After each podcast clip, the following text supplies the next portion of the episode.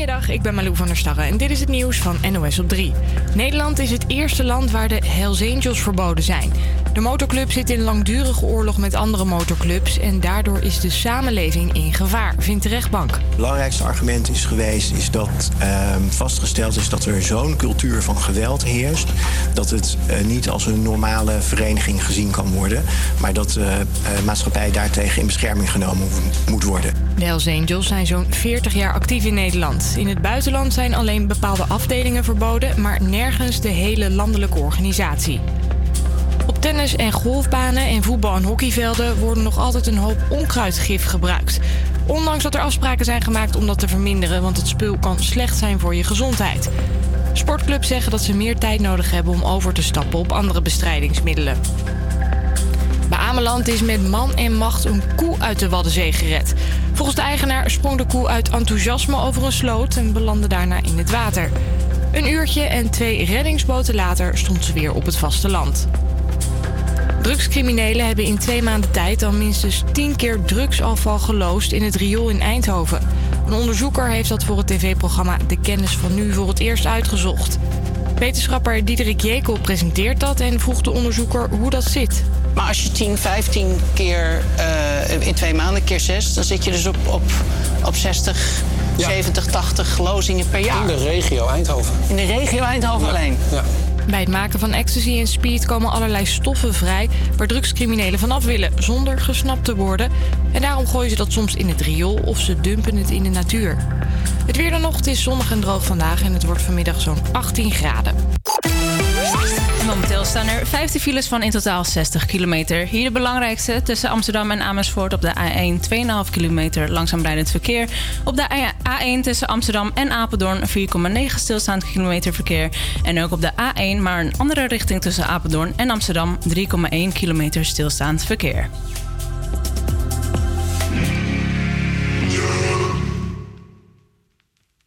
There's something in the way you roll your eyes. Takes me back to a better time. When I saw everything is good. But now you're the only thing that's good. Trying to stand up on my own two feet. This conversation ain't coming easily. And darling, I know it's getting late. So what do you say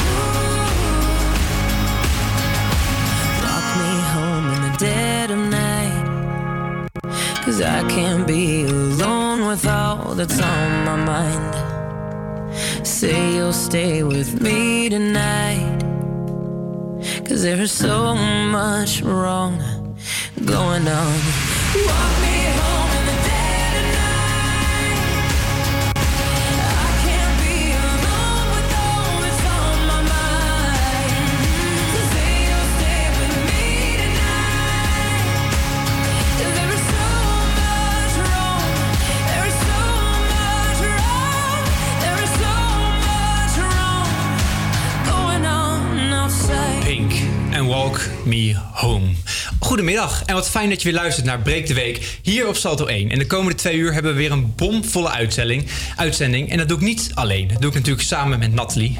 Hallo. En Kees. Hoi hoi. Ja, en het is me weer eentje hoor, want we naderen de laatste uitzending van ons. Die is volgende week. Maar we dachten, hè, laten we het om voor de verandering eens een keer flink uitpakken. En ook vandaag staan daarom deze twee uur weer volledig in het teken van een succesvolle jonge ondernemer. Zo hoor je onder andere een ontwerper van een hele bijzondere zwembroek. Is er een 21-jarige student waarvan zijn huizen de hele wereld overgaan.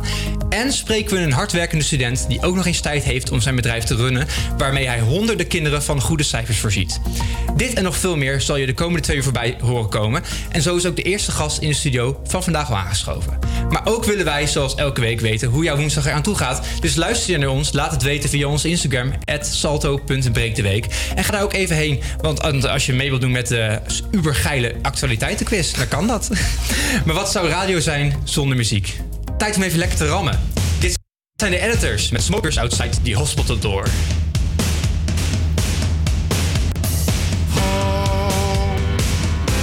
the blindfold down so your eyes can't see. Now run as fast as you can through this field of trees.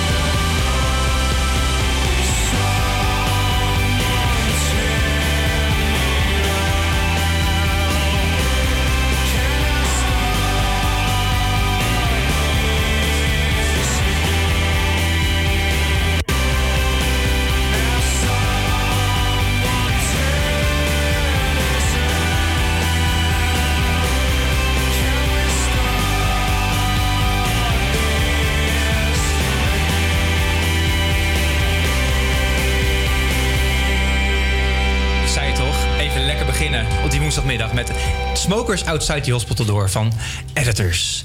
Bij ons in de studio aangeschoven John van Schagen, journalist en schrijver van boek Jong Ondernemen. En uiteraard spreken we daar zo meteen eh, uitgebreid verder over. Maar eh, je bent alvast aangeschoven voor ons, want we hebben een hele leuke belgast. Toch John? We gaan eens even luisteren. Ja, want eh, het is natuurlijk altijd fijn als artiest als je iemand om je heen hebt die alles voor je regelt, die je rondrijdt, die je advies geeft en eigenlijk ook nog eens van alles en nog wat helpt. Hij is 25 jaar en oprichter van Since 94, een bedrijf dat zich volledig focust op het entertainment management en support. Nicky Stegink. Hallo. Hoi, goedemiddag. Hoi, hey, je richtte je bedrijf op in eh, 2013. Toen was jij ongeveer 19. Ja, klopt. Hoe kwam je op het idee om in godsnaam een entertainment management bedrijf op te richten toen je 19 was? Nou, ik was eigenlijk eh, begonnen als een roadie. Dus eh, iemand die de, de vrachtwagens inlaat, uitlaat, eh, de show opbouwt. En toen kreeg ik steeds vaker de vraag hey, kan je ook een factuur sturen? Ik zei, nee, dat kan ik nog niet. En dan werd ik eigenlijk gewoon ingehuurd door eh, eh, crewbedrijven. Eh, En toen dacht ik van, nee, ik ga gewoon ZZP'en. Ik bedoel, waarom niet? Ik ben eh, 19, eh, ik kan hem inschrijven, dus ik zie geen enkele reden om het niet te doen. Dus je werkte toen nog voor een werkgever als het ware. En toen dacht je van, nou, waarom klopt. kan ik het eigenlijk niet zelf? Ja. En is, is dat dan ook moeilijk op, op zo'n jonge leeftijd? Ehm, ja, dan kom je natuurlijk met, eh, met de vraag van, hey, word, je, word je serieus genomen? Ik bedoel, ik ben nog heel jong en praktisch eh, onervaren. Ehm, nou, daar heb ik eigenlijk geen last van gehad. Ik dacht, bouwt je gaandeweg, eh bouw je het op. En nee, zodoende krijg je meer klanten erbij, meer opdrachtgevers. En ja, het, het, blijft lopen. Je hebt geen enkele rare re- reacties gehad op je leeftijd of zo?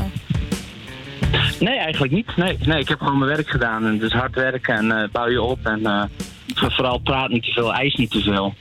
En eh, gaandeweg kan je wel, ze- kan je wel eh, met, eh, met ideeën komen, met tips, tricks eh, van eh, ervaringen die je hebt even naar, eh, naar John in de studio, want eh, jij hebt natuurlijk het boek geschreven, Jong Ondernemen. Herken jij dit beeld? Ja, dat herken ik zeker wel. En het leuke is dat aan de ene kant eh, jonge ondernemers eh, worden vaak aangesproken op hun leeftijd. Maar het is ook een hele mooie instap. Hè? Ik bedoel, het is ook een hele mooie manier om ergens binnen te komen. Je hebt eigenlijk meteen iets, je hebt meteen een gespreksonderwerp. En je kunt hem daarna heel makkelijk eh, ja, eh, verder zetten naar het doen van de deal.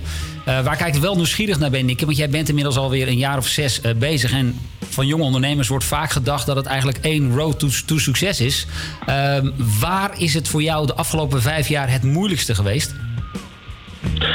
Ehm, er is toch eigenlijk de combinatie van eh, het werken, het studeren. En eh, ik, ik was tegelijkertijd ook met een studie bezig. En dan dacht ik van ja, ik kan het niet altijd combineren. Je bent toch eh, vier, vijf dagen ben je eigenlijk met de studie bezig. En dan kan je maar twee dagen werken. Dus dat, is dat het wel waard. En toen, daar moet je wel een keuze in gaan maken. En hoe heb je dat dan opgelost terwijl je, terwijl je in de studie eh, in de collegebanken zat en bijvoorbeeld de telefoon die rinkelde? Hoe, hoe doe je dat? Ja, daar heb ik wel van tevoren aangegeven van hey, ik eh, ben vandaag eh, moeilijker bereikbaar. Dus het beste via de mail of eh, via WhatsApp. Ehm, en dan bel ik later terug. Maar in principe, ik was gestopt met de studie op een gegeven moment. En ehm, toen ben ik een paar, paar jaartjes gaan werken. En heb ik alsnog een studie gevonden waar ik eigenlijk eh parttime ehm, ook kan focussen op mijn, op mijn studie. En parttime op mijn werk kan focussen. Dus en eigenlijk- eigenlijk supporten mij volledig. Ja. Dat, dat hielp heel erg goed juist, dat, dat het combineren van eh, in plaats van het moeten loszien van elkaar. Ja. En eh, nou, je hebt al aan best wel heel veel mooie grote projecten meegewerkt. Mogen meewerken als, eh, als, als, als bedrijf. Hoe zorg jij er eigenlijk voor dat jij daarvoor gezien wordt? Heb jij een bepaalde marketingstrategie? of is het meer ons kent ons binnen die wereld?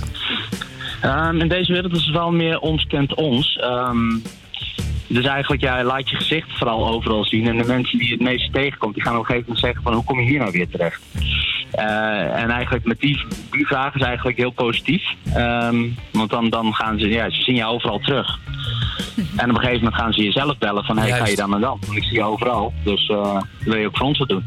En als je dan zou moeten kiezen eh, tussen artiesten of evenementen, heb je een voorkeur?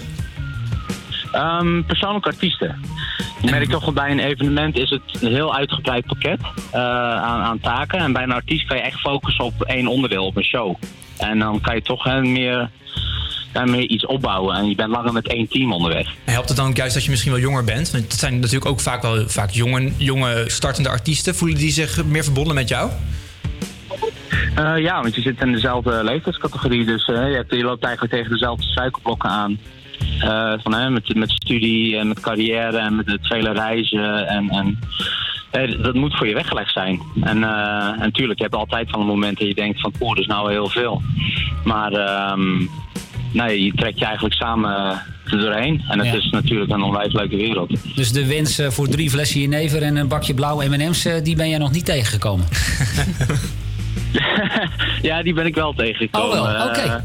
Maar het is, eh, ja, nee, dat is dan vaak op het evenement als, eh, als er iets grotere eh, act eh, naar binnen komt. Die, eh, die hebben wel wat meer wensen. Willen we toch even weten welke act dat was, Ja, hè? inderdaad. Ja, kan je Dat- wat dat- vertellen? Ik wou net zeggen welke. Wie zijn die artiesten en die evenementen, wat je allemaal doet en wie je allemaal ziet? Maar wie heeft vooral van die gekke wensen? Daar ben ik benieuwd naar. Ja, eigenlijk elke band heeft wel iets speciaals. Hè. De ene act die, eh, die gaat toch, eh, die wil bepaalde thee. Die is helemaal op zijn gezondheid gericht. Dus hè, de muesli-repen, thee, eh, eh, veganistisch menu voor de, voor de avond. En de andere band die is juist helemaal van we willen echt barbecue, we willen veel drank, eh, het hele pakket. Ah. Nou, en tot slot, en dan ben ik benieuwd, welke artiest vond je eigenlijk het leukst om te begeleiden? Eh, op dit moment eh, is dat eh, Chris. Hè? Dat is een eh, singer-songwriter uit Los Angeles, Amerika. En ehm, hij is ook nog jong en is echt zijn carrière aan het bouwen. En ik merk toch wel dat je, dat je samen echt aardig wat kan doen, ondanks de afstand. Kan je toch zeggen van, hé, hey, ik help jou hier eh, in eh, Europa. En eh, zodra ik in Amerika ben, eh, ga ik met daar verder. Nou, Dus, klinkt, klinkt heel erg interessant. ja. En daarom eh, stel ik voor dat we die maar gelijk gaan draaien. Nicky Stegink, bedankt voor je tijd. En eh, een goede festivalzomer gewenst natuurlijk. ja, en een, eh, nog een hele goede Yes, uitzending. dankjewel. Fijne woensdag. Hier is hij hoor, de, leuke, de Dankjewel. leukste artiest om mee samen te werken. Al dus Nicky Stegink. Dit is Mad Eye van Chris Ayer. on Figueroa. There's a bar I like to hide when I'm alone. Since you moved to the east side, you blocked my phone. And I'm not gonna try, I'll just sit alone here in the dark. An unlit fire waiting for a spark. And if it's over, say it's over. And if it's broken, call it whole. There's a damage done in pretending. If it's over, say it's over. If it's over, say it's over. If it's over, say it's over. Cause I sure as hell don't know.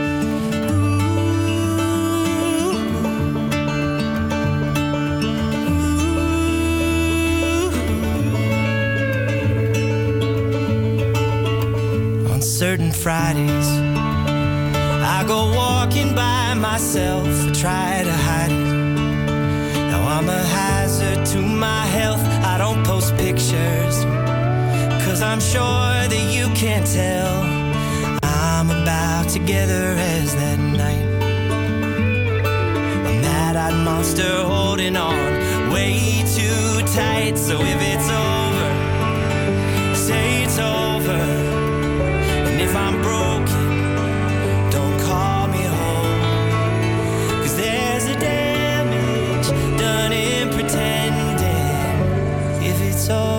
Say it's over. If it's over, say it's over. If it's over, say it's over. Cause I sure as hell don't know. What am I to do with all these memories? Thoughts of you locked inside my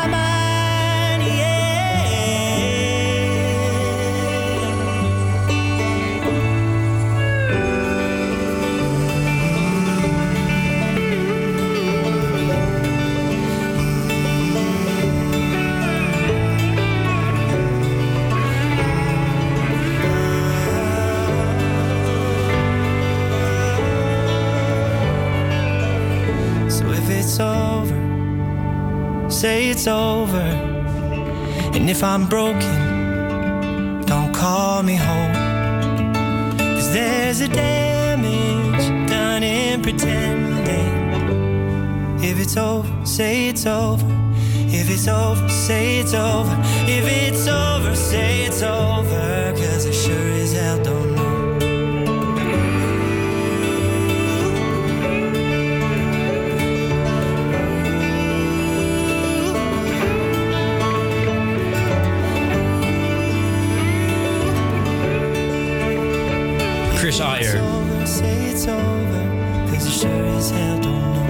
Met Mad Eye.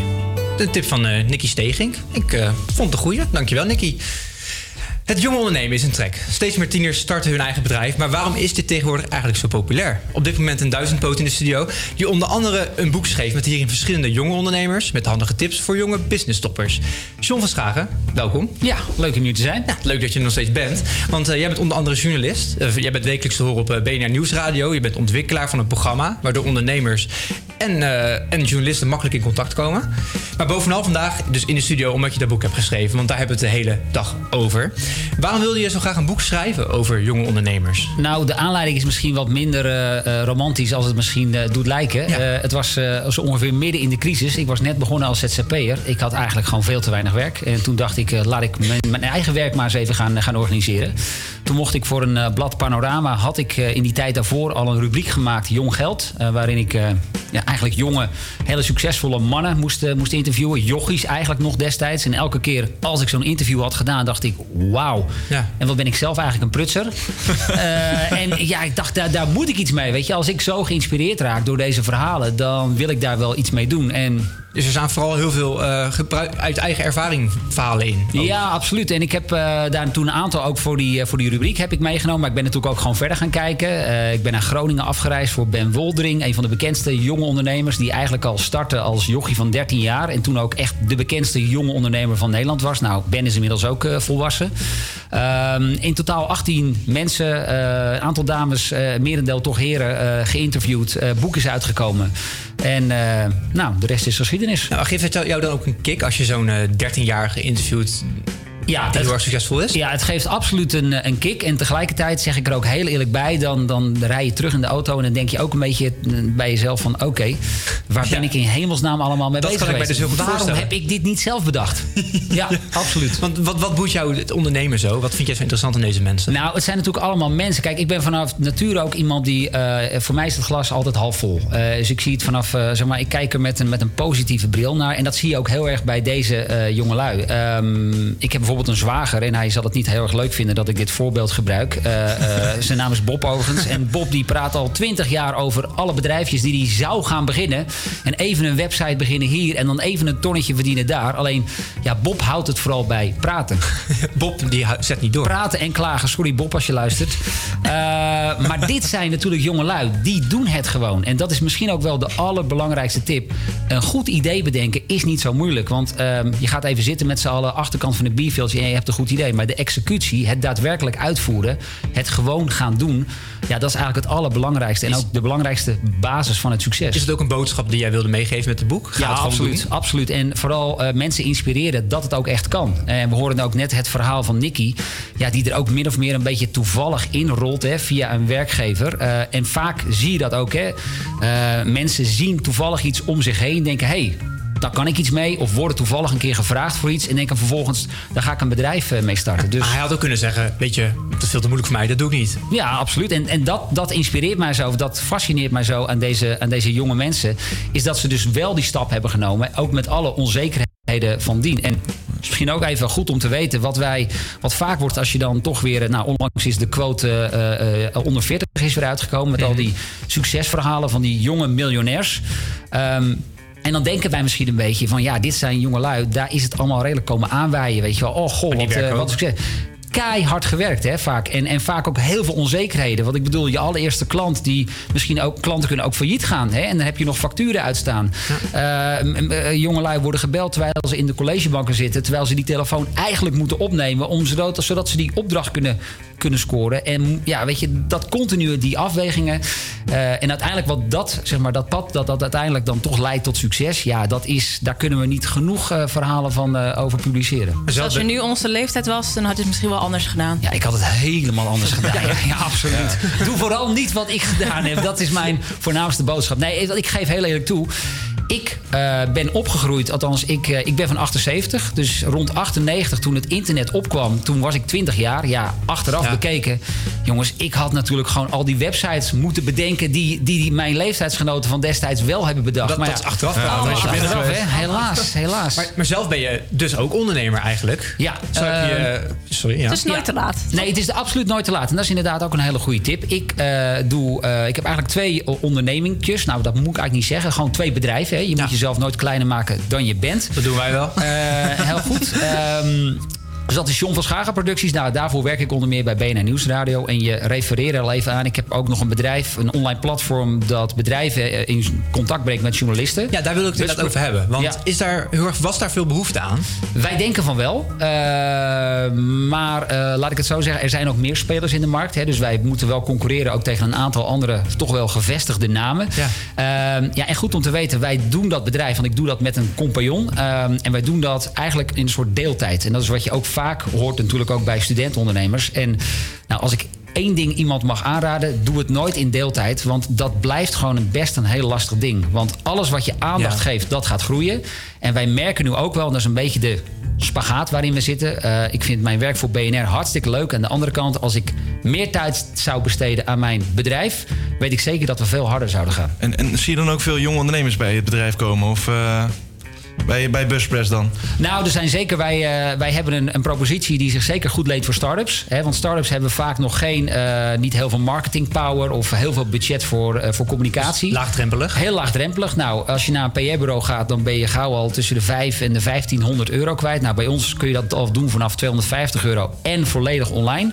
Ja, dat is natuurlijk wel heel erg iets wat de jonge doelgroep aanspreekt. Dus, ehm, Maar je zei net ook van, eh, ik vind het moeilijk om dat te verdelen, die tijd soms. Is het dan niet tijd om een keuze te gaan maken? Ja, daar heb je een hele goede tip wat je hierbij je geeft. Ja, dat, dat, dat klopt. En weet je, maar dat is wel hartstikke moeilijk. Want tegelijkertijd hebben wij, eh, zowel ik en mijn compagnon hebben daarnaast, hè, we doen presentatieklussen, eh, we schrijven heel veel. Ja, en als ik heel eerlijk ben, dat gaat ook best wel goed. Ja. Ik heb thuis ook nog een gezin, eh, drie kinderen.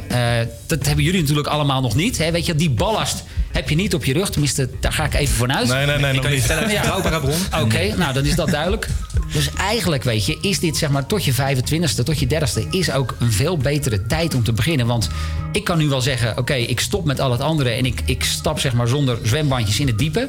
Maar ja, ik heb ook nog wel een verantwoording eh jegens thuis. Want uiteindelijk moet wel de hypotheek betaald worden en we hebben nog een paar monden te voeden. En, en wat is dan, wat, even, om het toch wel even over geld te hebben. Wat, eh, wat is het meeste, wat, wat brengt het meeste in kas? Wat brengt het twee? meeste in kas? Want als Nou, journalist krijg je natuurlijk ook, heb je ook te maken met lage tarieven. Ja, maar eh, eh, laat ik zo zeggen, ik zit in een bepaalde tak van sport, met name businessjournalistiek. En eh, nou, misschien ook nog even een tip aan jullie. Dat schuift op zich nog wel redelijk. Oké. We gaan het onthouden. Heel goed, dan weet je waar je voor moet kiezen. Nou ja, tot slot, eh, je zei het misschien net al heel eventjes, maar wat is eigenlijk jouw belangrijkste tip voor de jonge ondernemer? Wat zou je echt iemand bij willen brengen die nu luistert en denkt, ja, ik wil het toch doen, maar Ja. ik weet niet goed hoe. Mag ik heel kort vier tips geven? Vier. Op de eerste plaats, een goed idee bedenken kan iedereen, maar dat is niet moeilijk. Ga het vooral gewoon doen en ga proberen. Het zal altijd anders gaan dan je van tevoren had bedacht. Dus ga ook niet schetsen over hoe het er over twee jaar komt uit te zien. Punt twee, focus op groei en niet zozeer op winstgevendheid. Klanten is in, met name in de eerste eh, eh, fase van je bedrijf veel belangrijker dan dat je er meteen allerlei winsten gaat uittrekken. Zet ook vooral door als het even tegen zit. Het gaat, er gaan momenten komen dat het even niet gaat zoals jij wilt. En die momenten zijn bepalend voor het succes van je onderneming. En op de vierde plaats, eh, kijk ook heel goed met wie je samenwerkt. Juist. Want jouw beste vriend is niet automatisch jouw beste compagnon. Want eh, het is wel heel belangrijk dat je complementair aan elkaar elkaar aanvullen, ja. Absoluut elkaar aanvullen. En kijk elkaar ook goed in de ogen. Kijk eh, ook goed van tevoren.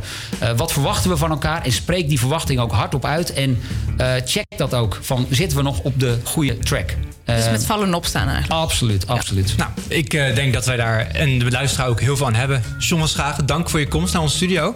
En je, we wensen je natuurlijk ook nog veel succes met al je bedrijven en je ondernemingen. Dankjewel. En, eh, ja, we gaan eh, snel door, want de dames van Young Capital staan al bijna voor de deur. Die komen meteen, zo meteen aanschuiven. Maar eerst, het is hier heel warm in de studio. Maar eh, Niels Hillen heeft het heel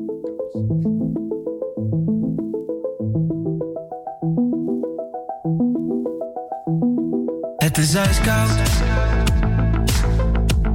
En je woorden maken wolkjes in de lucht Een rilling loopt een rondje op mijn rug Als je zegt dat je niet langer van mij houdt Wat doe jij nou? Kunnen we één seconde terug? Kunnen we één seconde terug.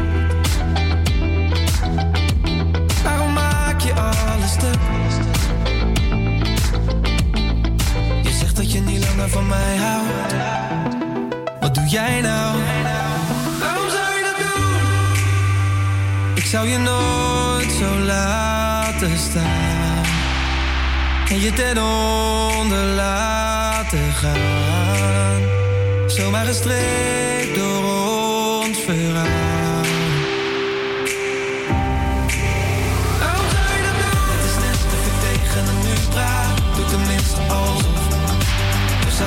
voor elkaar door het vuur gaan. Maar je maakt me kapot. Waarom zou je dat doen? Het is net of ik tegen een muur praat. Doe tenminste alsof. We zouden toch voor elkaar door het vuur gaan. Het is keihard. En je woorden dreunen door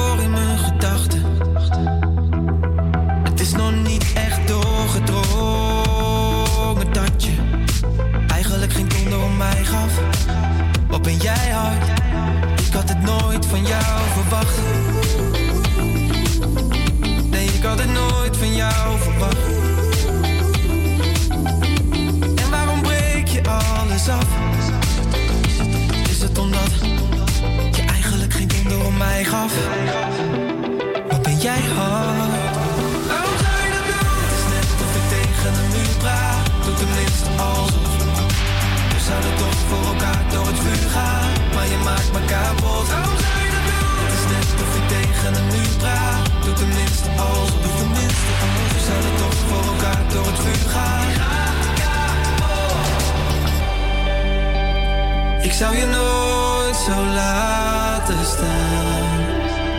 En je ten onder laten gaan. Zomaar gestreept door ons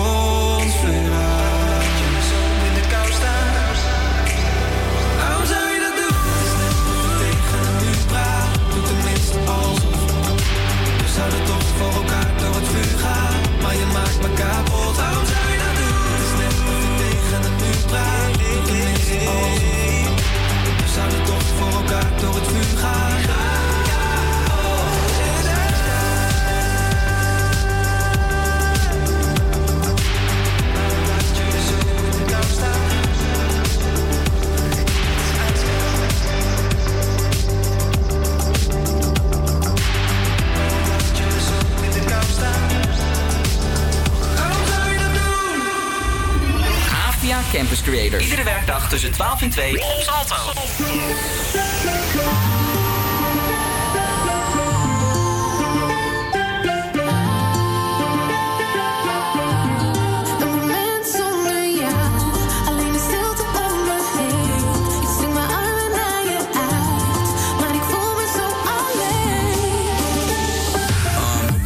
Is ijskoud in die osso hier. Oude sigaret en een lege baddels bier. Scherven en scheuren in het behang. We trappen de deuren terug in de gang. Ik lees oude brieven en voel de vlinders weer. Ik weet opeens niet meer waarom ik solo surf. Vraag aan je voicemail om nog een tweede kans. Ik beloof je van alles, van wat er ook gebeurt. Begin te kraken, weer kleine scheutjes en tranen. We kunnen samen van alles behalve rust bewaren. We praten dagen en jaren, maar laat de karma bepalen. Hey.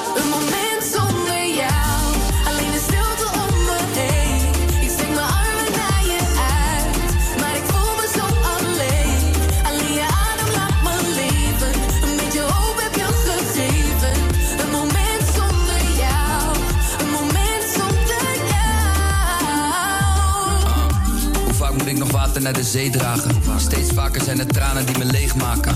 Steeds later val ik pas in slaap. En steeds vaker wel begonnen, maar niks afgemaakt. Nee, dat is volop vlug gedrag. Zo vaak heb ik je teruggebracht. Hou jij de merrie, maar zo vaak heb ik de bus gepakt. Ik mis je nagels in mijn rug, daar ben ik lustig van.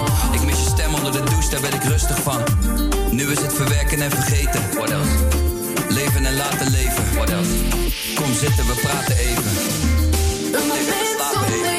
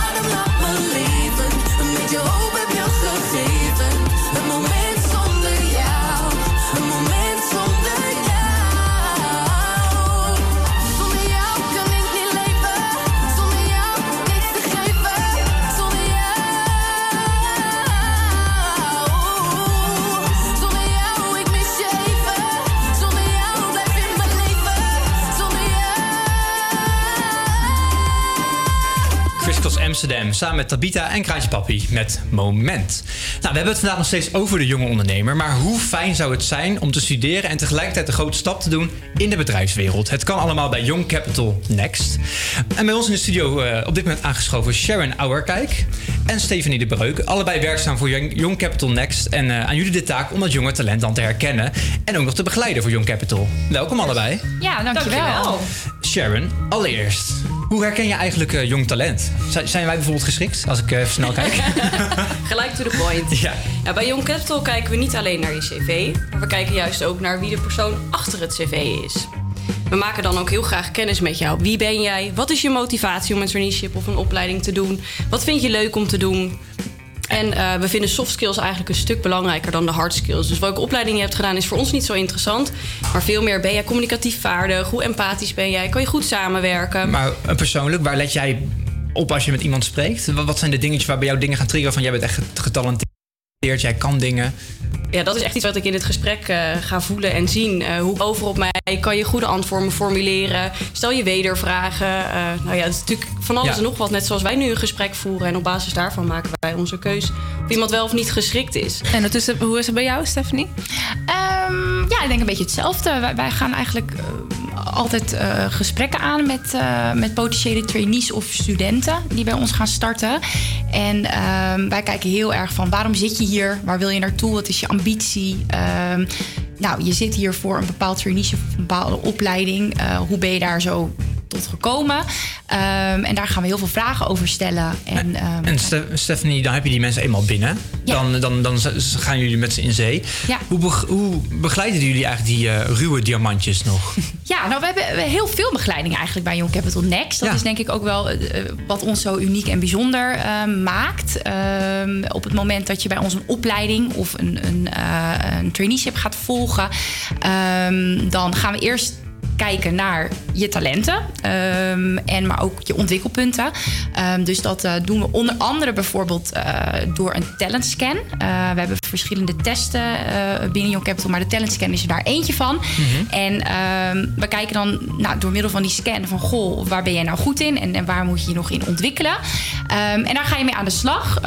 We bieden namelijk een heel mooi persoonlijk eh, ontwikkeltraject aan. Persoonlijk leiderschapstraject, dat heet Take Charge. En daarin ga je eigenlijk kijken van... ja, wie ben ik nou eigenlijk? En ehm, nou, hoe kan ik mezelf ontwikkelen op het gebied van communicatie eh, en dergelijke. Dus ze gaan heel erg op zoek naar zichzelf. Of. Op zoek naar jezelf, ja. Ik denk dat dat heel erg eh, belangrijk is. Kijk, skills kun je allemaal leren op school. hè, of, of, of ja, vakinhoudelijke Vakinhoud, skills. eh, skills.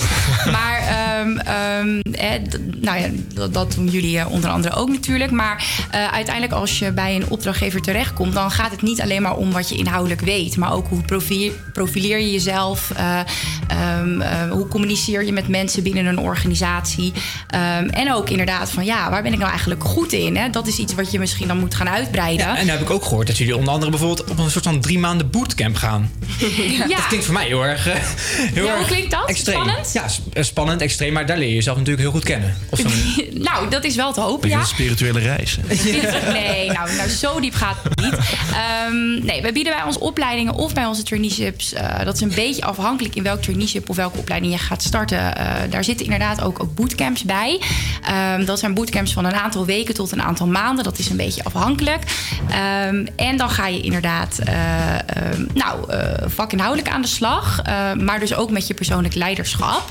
En dat doen we op een hele interactieve manier. Dus dat is niet saai zitten en Nee, en nee. luisteren. Maar juist leuke interactieve trainingen om jezelf te leren kennen. En, ja, Dat gebeurt met alle nieuwe leerlingen. Eh, ja, ja. Ja, ja, le- ja, leerlingen, studenten, hoe je, het wil noemen. Ja. En Sharon, hoe zit eigenlijk die verdeling eh, bij jullie tussen werk en school dan en leren? Dat is een beetje afhankelijk van of je een opleiding doet, een HBO ICT Software Development opleiding of een van onze vele traineeships. Ehm, bij de opleiding is het zo dat je vier dagen eh, aan het werk bent bij een van onze toffe opdrachtgevers en één dag in de schoolbanken zit. En het voordeel daarvan is dat je eigenlijk direct je opgedane kennis in de praktijk kan brengen. Ja, vier dagen, dat klinkt best wel veel in mijn, eh, Best in mijn veel, ja. oren eigenlijk. Is, is dat ook misschien wel eh, het, juist de, succes, de succesfactor daarachter? Nou, juist wel, want door te doen leer je. Dus, dus eigenlijk zoveel mogelijk praktijk. En eh, inderdaad, wat je, dat leren, wat, zoals jij ook zei, dat maakt niet zoveel uit, Stephanie. Dat, dat, die, Nou, skills, die, die skills die leer je vanzelf. Maar het gaat om wat je doet om jezelf te ontwikkelen. Nou, wat je heel veel eh, bij eh, eh, reguliere opleidingen... en dan wil ik helemaal niet eh, alle hbo-opleidingen gaan afkraken. Niet doen, hoor. Nee, nee, nee. Worden we boos. Ja. Ehm, maar eh, wat je daar heel veel leert is inderdaad heel veel vakinhoud. Heel veel vakinhoud, theorie stampen. Ehm, en dan ga je na vier jaar ga je aan de slag bij, eh, bij een, leuke, gave eh, organisatie. En dan merk je dat je eigenlijk aan al die dingen die je hebt gehad... die zijn of al heel ver weggezakt... of nou, die zijn helemaal niet meer van nu. Want Ja. nou, we, leven in een hele digitale wereld. Ja. Dus alles verandert. Ehm, en dan sta je daar en denk je... oh jee, ja, vier jaar lang in de stu- eh, studiebanken gezeten... en ik, ja, dit ga ik helemaal niet gebruiken. En dat is het toffe bij Young Capital, eh Young Capital Next. Eh, alles wat je leert ga je eigenlijk meteen in de praktijk brengen. Ehm, en eigenlijk sluit ook al ons studiemateriaal heel erg aan... op wat er nu gevraagd wordt op, op de arbeidsmarkt. Dus eh, Dat, het klinkt natuurlijk allemaal best wel aantrekkelijk. Voor mij in ieder geval. heel aantrekkelijk. Ja, heel aantrekkelijk. Want, maar onder andere, die jongeren die studeren dus eigenlijk gratis bij jullie, toch? Nou, als je een, een, een HBO-opleiding ICT bij ons eh, gaat volgen, dan eh, krijg je inderdaad meteen betaald. Eh, want je gaat ook gelijk bij een organisatie aan de slag. Maar, maar is het dan niet zo dat, dat, dat stiekem misschien wel die mensen aangetrokken worden? Want ik weet niet wat jullie, maar ik betaal gewoon 2000 euro collegegeld. Ja. Dat, dat de mensen ook aangetrokken worden, juist meer, omdat het heel erg aantrekkelijk is voor de financiën. Ja, nou dat zou kunnen. Ik denk ook dat dat, dat ook wel een, een, eh, iets is waardoor mensen denken... hey, dit is misschien wel heel erg interessant voor mij. Ehm, want ja, weet je, wie wil er tegenwoordig nou een on- ontzettende studieschuld eh, hebben? Eigenlijk, nou ja, wordt niemand daar denk ik heel erg warm van. Nee. Niet. Ehm, dus dat, dat kan zeker ook een beweegreden zijn waardoor je denkt: hey, dit, dit trekt me wel. Eh, neem natuurlijk niet, eh, ja, dat betekent natuurlijk niet dat we ook iedereen die zegt: hey, ehm, ik wil deze studie gaan volgen, want ik heb dan geen studieschuld, dat we die ook aannemen. Nee. Er zit natuurlijk echt wel een, een selectieprocedure aan vast. We willen echt weten van: goh, waarom wil je dit? Wat is je motivatie? Wat wil je er uiteindelijk mee En bereiken? jullie uiteindelijk om die mensen eruit te scannen. Zeker. Eigenlijk. Ja, dat doen onze Maar hebben, hebben jullie dan ook bijvoorbeeld mensen die dan bijvoorbeeld, eh, ja, die komen door de selectie heen en die gaan dan gewoon twee maanden werken en dan denken ze, nou, dat is mooi geweest, stop ermee. Of gaat dat niet zomaar 1, 2, 3? Een soort contract, denk ik. Een soort contract. Ehm, nou, die, die hebben we wel heel af en toe. Eh, Ik moet zeggen dat onze selectieprocedure altijd wel eh, best intensief is. Dus dat we eh, nou echt wel ehm, goed kijken. Wil iemand dit echt? En wordt iemand hier echt heel erg blij van? Maar uiteraard hebben we wel eens mensen die op een gegeven moment zeggen van... Goh, ja, ik, word, ik, ik, ik, ik, ja, ik vind dit toch niet, niet heel erg... Dit past niet bij me. Dan gaan we natuurlijk eerst kijken van... Goh, kunnen we wat anders voor je betekenen binnen Young Capital? Sluit misschien een traineeship wat meer aan. Ehm, ehm, eh, of, of binnen een andere sector. Dus daar En daarvoor heb je ook die persoonlijke coach die je daarin helpt en begeleidt. Juist. Dat je met Ja. elkaar kijkt van waar sta ik nu? Een heel volledig pakket. Een heel Absoluut. volledig pakket. En Sharon, dan eigenlijk tot slot. Hè, ehm, wij hebben gekozen voor de Hogeschool van Amsterdam. Maar waarom zouden jongeren, anno 2019, toch voor Young Capital Next moeten kiezen? Heel kort. Heel kort, eh, bij ons ga je gelijk aan de slag. En eh, als je een echte doener bent, dan ben je bij ons aan het juiste adres. De denkers eh, kunnen natuurlijk ook gewoon bij ons terecht. Maar gelijk doen, dat is het allerbelangrijkste. Juist. Nou ja, en de persoonlijke begeleiding. Jonge talenten eh, die nu vast luisteren of die zo meteen nog voorbij komen. Jullie kunnen terecht eh, eventueel bij eh, de dames Sharon Ouwerkijk en eh Ouwerkerk en Stephanie de Breuk. Yes. Dankjewel voor jullie komst en eh, nog veel succes eh, naar jullie, met jullie zoektocht naar jong talent. Hartelijk dank. Leuk Nou, dat we hier mochten zijn. Ja, thanks. Ja, en dan gaan we nu door eh, met, eh, een nieuwe, met de volgende track. Dit is eh Senebo C met Jonger. En dan in de Kaigo remix. Dus eh, toch nog een beetje een jong sfeertje erin eigenlijk.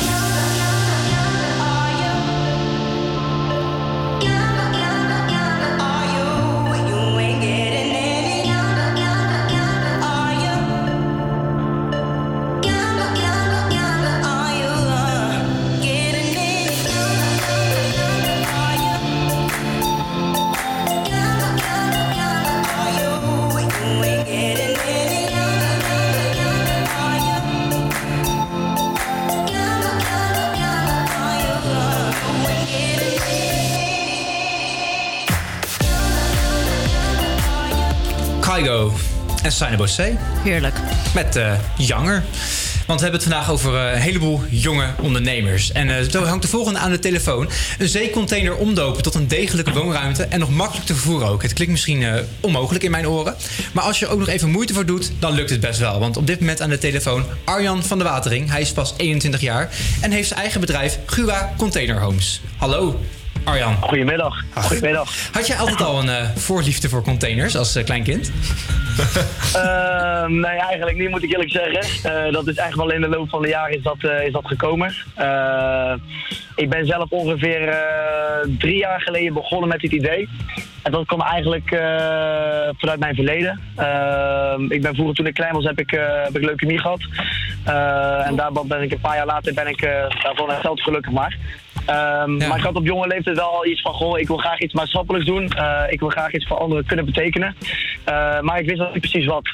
Eh, dus ik ben eigenlijk, toen ik net 18 was, ben ik eigenlijk begonnen om een strandtent op te richten. Dus toen ben ik eigenlijk daarmee tekeningen gaan laten maken door een architect. En die kwam eigenlijk destijds gewoon met het antwoord van, goh, ehm, we zijn inmiddels al in de vergevoerd stadium van de tekeningen. Alleen je moet eens gaan kijken naar de materialen die je kan gaan gebruiken. Omdat er met heel veel tijdelijke vergunningen natuurlijk gewerkt wordt bij eh, de strandtenten. En goed, en een van de oplossingen die hij destijds aanbood was eigenlijk eh, de zeecontainer. Ehm, en toen wist ik eigenlijk al wel vanuit het verleden, eh, tenminste wat ik al eerder gezien had op internet in Amerika en Canada, dat het eigenlijk al wel een product was wat daar veel veel eh, eh, gebruikt werd. Alleen dat het in Nederland echt alleen geprofileerd was als een zeecontainer. Dus je zag eigenlijk Eh, gewoon dus een gat in de markt. Ehm, nou ja, in principe wel. Kijk, het was allereerst gewoon de bedoeling om eh, te kijken of, het überhaupt of de mensen interesse er hadden überhaupt. Ehm, en in de randsteden zag je wel dat het voornamelijk voor studentenhuisvesting gerealiseerd was.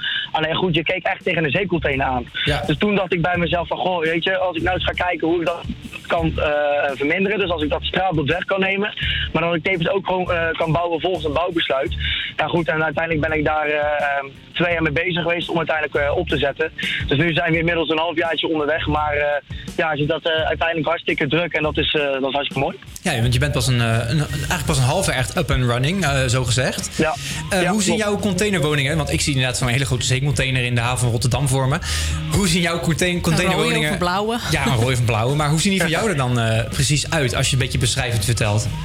Nou goed, wij, maar in feite maken wij alles op maat. Kijk, de, de kernactiviteit, de core business is echt de zeecontainers, eh, woningen. Eh, maar goed, we hebben toen destijds we bezig waren ook gezegd van... in feite hebben we zoveel kennis bij elkaar verzameld...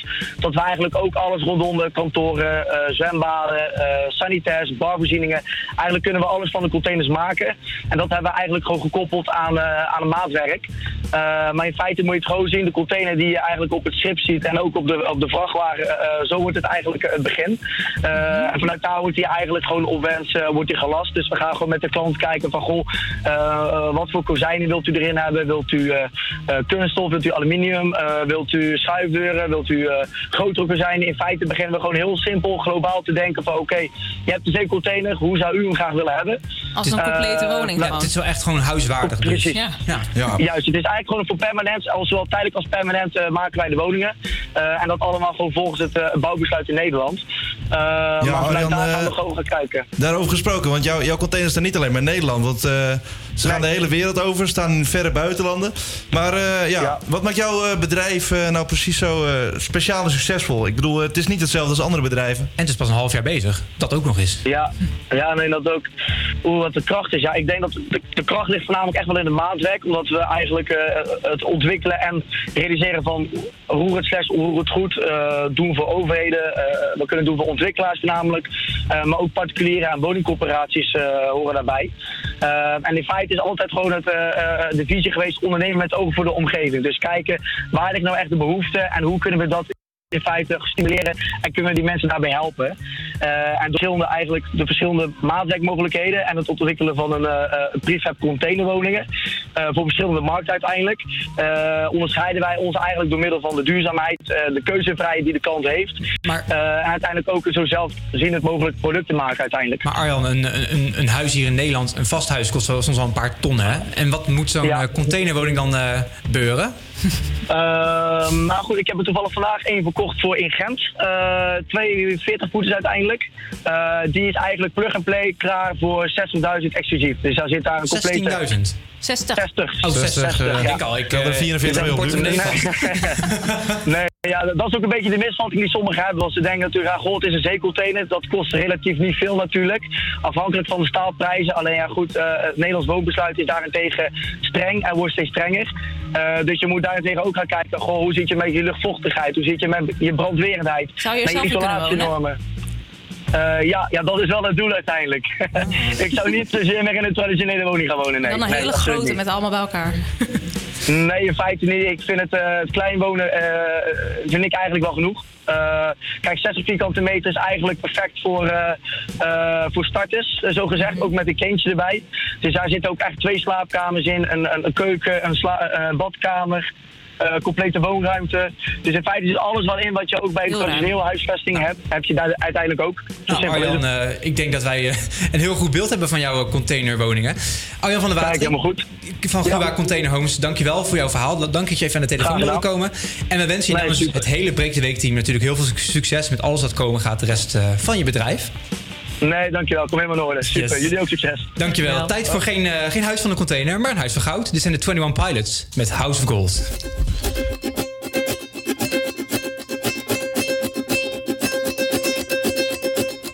She asked me, son, when I grow old, will you buy me a house of gold?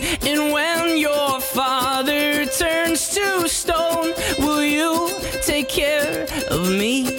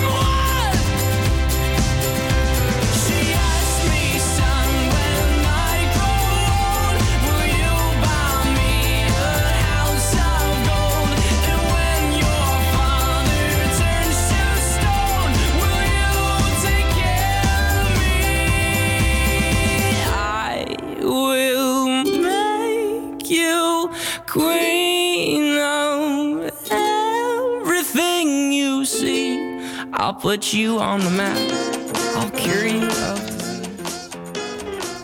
House of Gold van 21 Pilots. En daarna alweer eh Bills, maar die komt zo meteen nog voorbij, denk ik.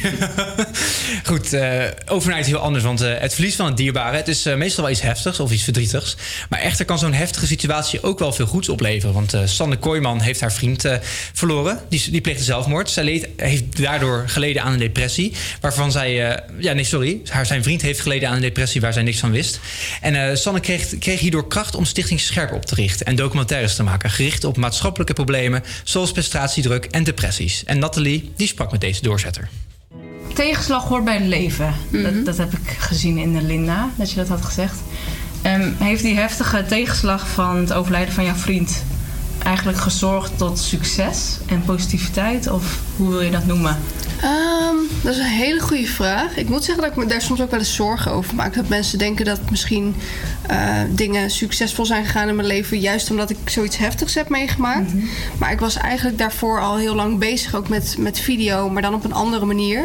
Dus ik zou willen zeggen dat het overlijden van mijn vriend... eh, het was natuurlijk een hele negatieve gebeurtenis. En ik heb toch op een of andere manier wel weer hele positieve dingen gevonden. Dus je zou wel kunnen zeggen dat het met elkaar te maken heeft. Maar aan de andere kant, ik heb ook zoveel dingen weer kunnen meemaken hierdoor... en mensen kunnen ontmoeten... dat ik ook toch wel een soort van op een rare manier dankbaar ben dat het is gebeurd.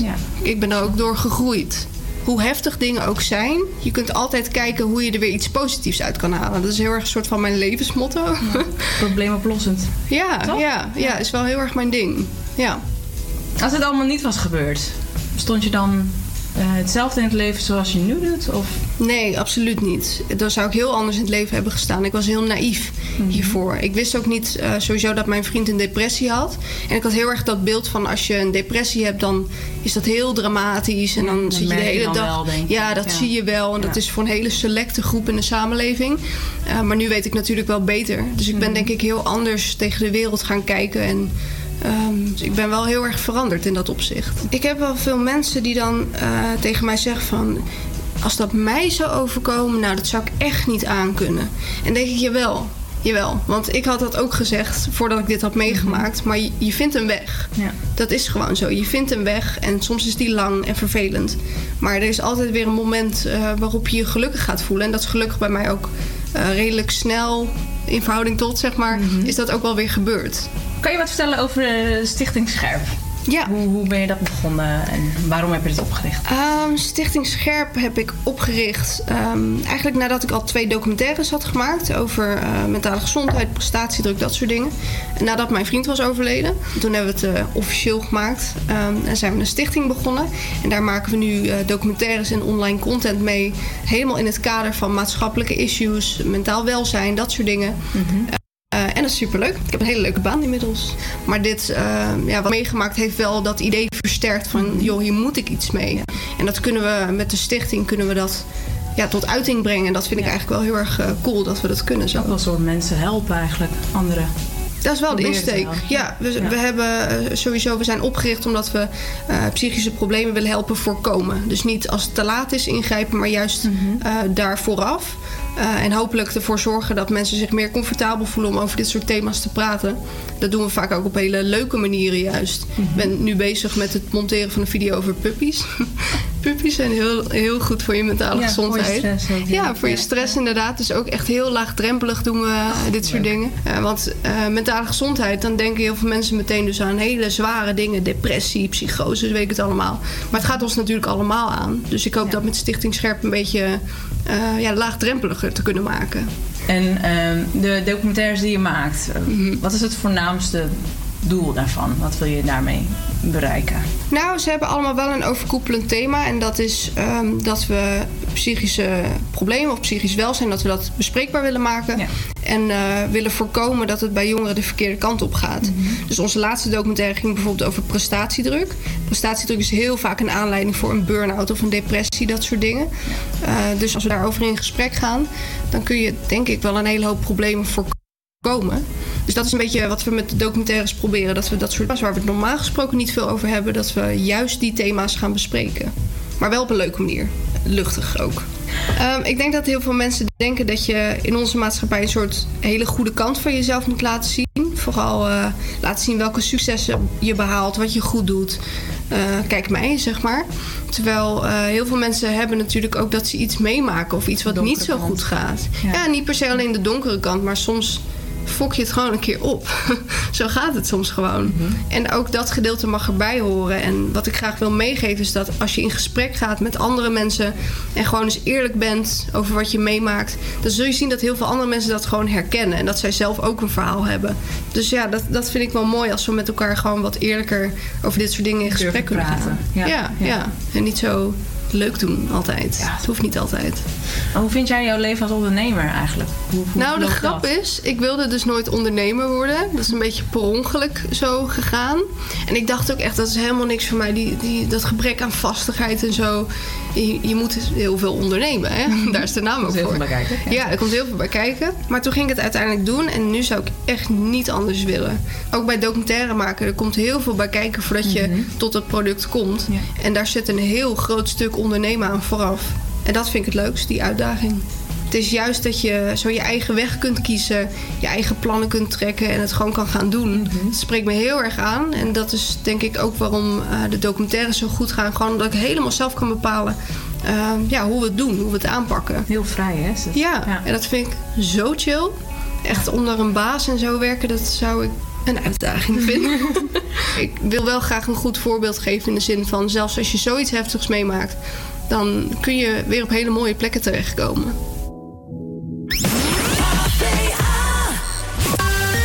APA Campus Creators Nieuws. Goedemiddag, ik ben Malou van der Starre en dit is het nieuws van NOS op 3. Er wordt vandaag weer gestaakt voor een beter pensioen. Gisteren lag het OV plat door stakingen. Vandaag leggen onder meer mensen uit de metaal- en schoonmaaksector het werk neer. Ook zij willen een beter pensioen. En dat is met een reden, zegt deze vrouw die op het Malieveld staat. Ik heb bijvoorbeeld drie collega's die mochten nog met 65 met pensioen. 66, alle drie dood. Ook op Schiphol wordt actie gevoerd. Schoonmakers staken en beveiligers stoppen een uurtje. Gisteren kwam naar buiten dat het kabinet de pensioenleeftijd waarschijnlijk nog wel even wil laten zoals hij is. En daarna minder snel wil laten stijgen. Heeft de Belastingdienst grote fouten gemaakt met een fraudezaak in Eindhoven? Er komt een onderzoek naar. De kinderopvangtoeslag van honderden ouders werd stopgezet omdat de Belastingdienst dacht dat er werd gesjoemeld. En om dat aan te tonen zou er nep bewijs zijn gebruikt. Dat moet tot op de bodem worden uitgezocht, zegt staatssecretaris Snel. Dat er fouten zijn gemaakt is geen geheim. Daar hebben we geen geheim van gemaakt. Er zijn excuses ook voor aangeboden. Alleen dit is weer een nieuw feit dat opkomt. En ik wil weten eh, hoe dat precies zit. Een dief heeft in Wageningen wit goud gestolen. En dan bedoel ik asperges. De dader vernielde een aspergeveld bij een boer. Twee rijen over een lengte van bijna 100 meter werden omgeploegd en gestolen.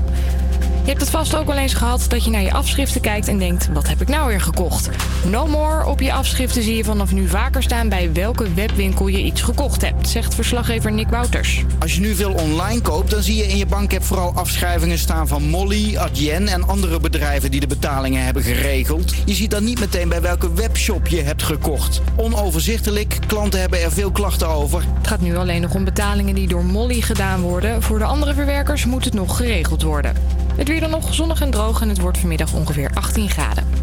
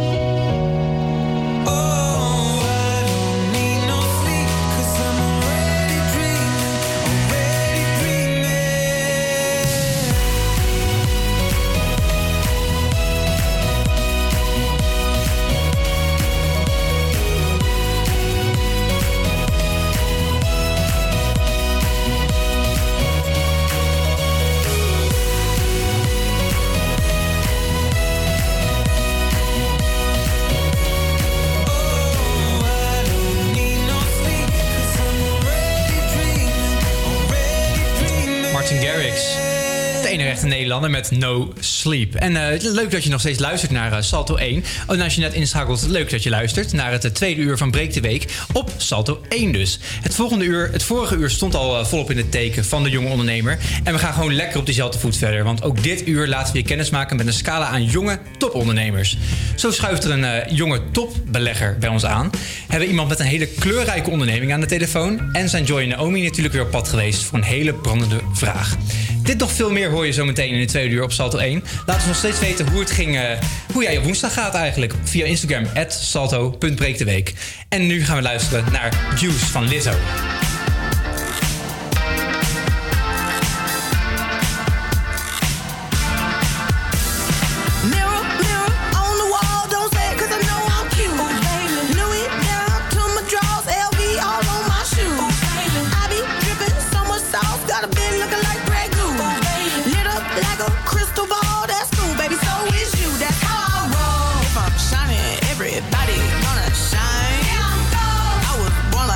Don't even gotta try. You know. I like shot a nigga better over time. Heard you say I'm not the baddest bitch you like.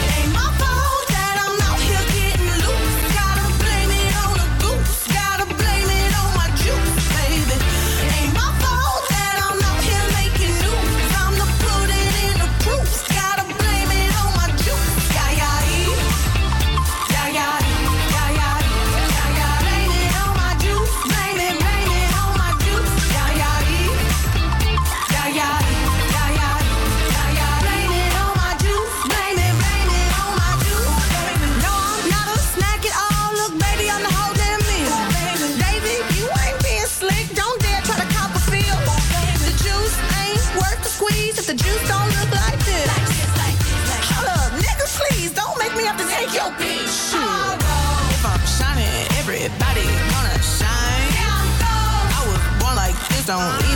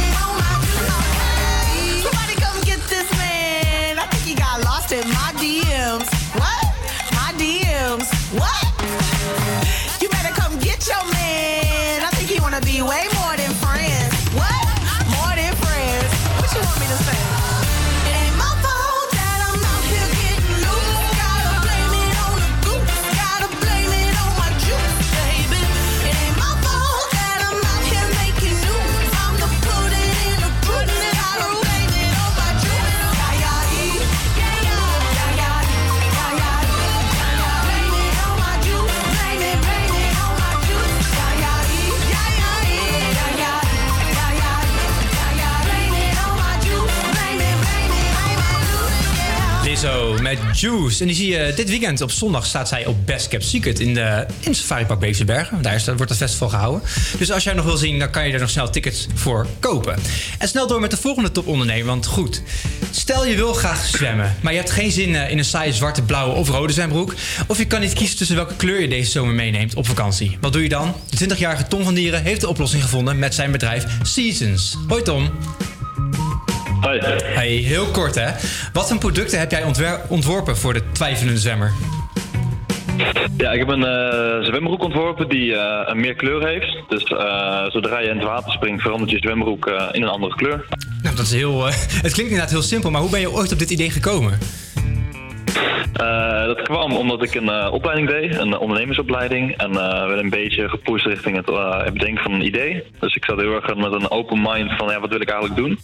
En uit het niets kwam het idee. Ik, ik wilde eigenlijk gewoon zelf die zwembroek hebben. Dus het leek mij heel tof als ik een gele had, ik spring het water in en hij wordt blauw. Ehm, dus ik ging zoeken of ik het kon kopen op, eh, op Google. Het bestond niet en toen dacht ik, nou ga ik het zelf maken. En is het dan ook zo makkelijk gezegd als gedaan? Of zitten daar nog wel een beetje zware trucjes achter die zwembroek? Ja, het is niet eh, een makkelijk product om te maken. Er is zeker een eh, jaar lang eh, onderzoek gedaan naar hoe het dan werkt. Hoe krijg je die kleurverandering teweeg en hoe krijg je dat dan in een zwembroek.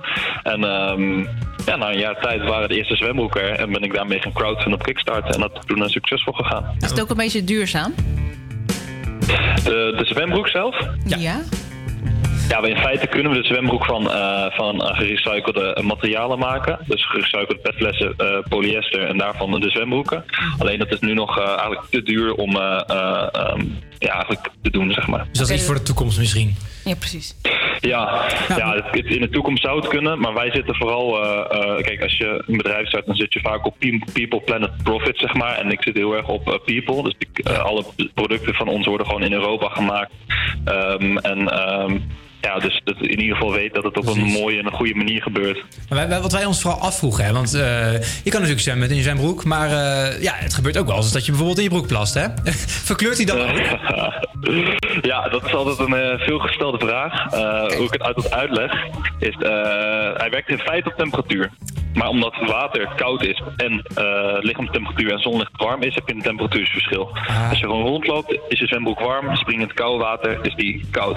Als je onder water, dat doe je altijd, als je in het, in het, in het water plast, doe je onder water. Maar dan is er veel meer koud water dan warm water, dus dan zie je het niet. Het enige wat je niet moet doen, is uit het koude water naar het land komen en dan het laten lopen. Dat, eh, ja, dat moet je niet doen. Maar volgens mij doet niemand dat, dus Nee, dat, is, eh, dat is verder geen ze niet, probleem. maar je weet het niet. nou ja, jij hebt eh, anderhalf jaar geleden ben jij uiteindelijk je bedrijf Seasons begonnen. Jij was toen 19 jaar. Ging dit Yes. vrij makkelijk voor jou of, of liep je ook wel tegen valkuilen aan? Ja, ja, aan de ene kant wel, aan de andere kant niet. Kijk, ik begon gewoon ehm, uit het niets. Dus ik heb ook geen ondernemende ouders. Eh, die hadden geen netwerk, die hadden ook niet een, eh, een, een dikke spaarpot waar ik het allemaal van eh, kon doen. Dus ik, ja, je moet met minimale middelen beginnen. En echt vanaf de grond aan beginnen met ook netwerken. Mensen erbij betrekken, zoeken die eh, ja, wel verstand hebben van de dingen die jij nodig hebt. Wat bij mij wel heel erg geholpen heeft, is dat ik gewoon jong ben. En ja, mensen vinden het gewoon leuk om jonge mensen te helpen. En eh, ja, daardoor hoef ik heel vaak gewoon advies en er werd het ding gedaan. Zonder dat ik daar gelijk heel veel voor moest betalen, zeg maar. Dus eigenlijk is het jong zijn misschien wel meer een eh, soort van pluspunt voor jou.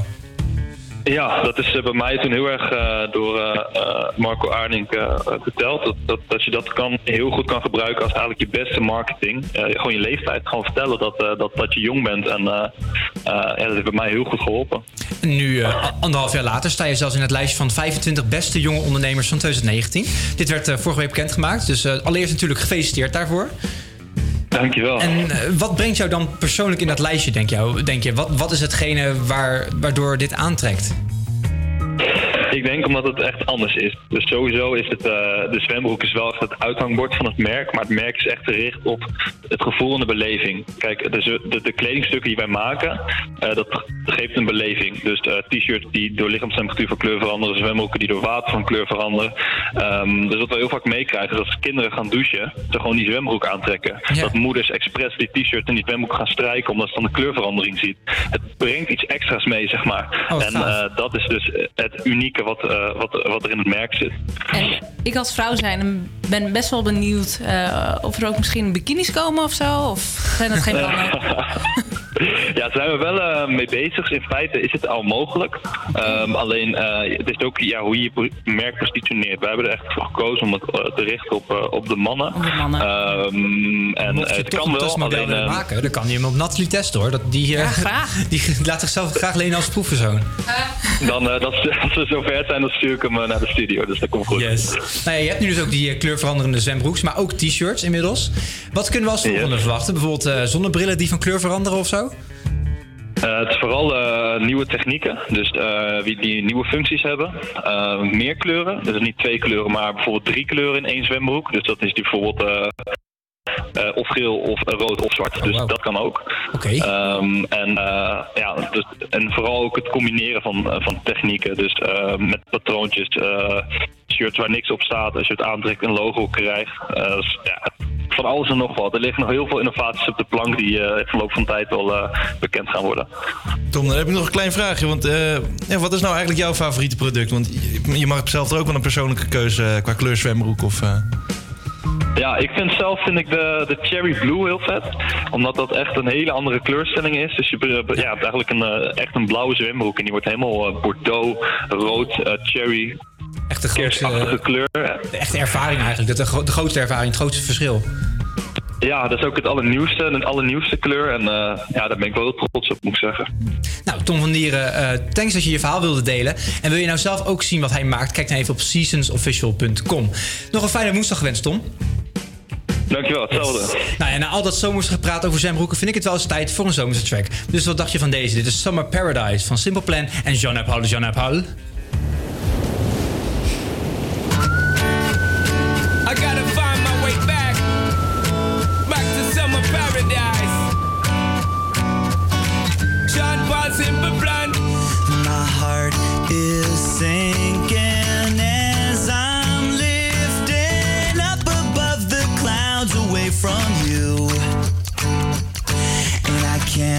believe I'm leaving. Oh, I don't know, no, know what I'm gonna do. But some.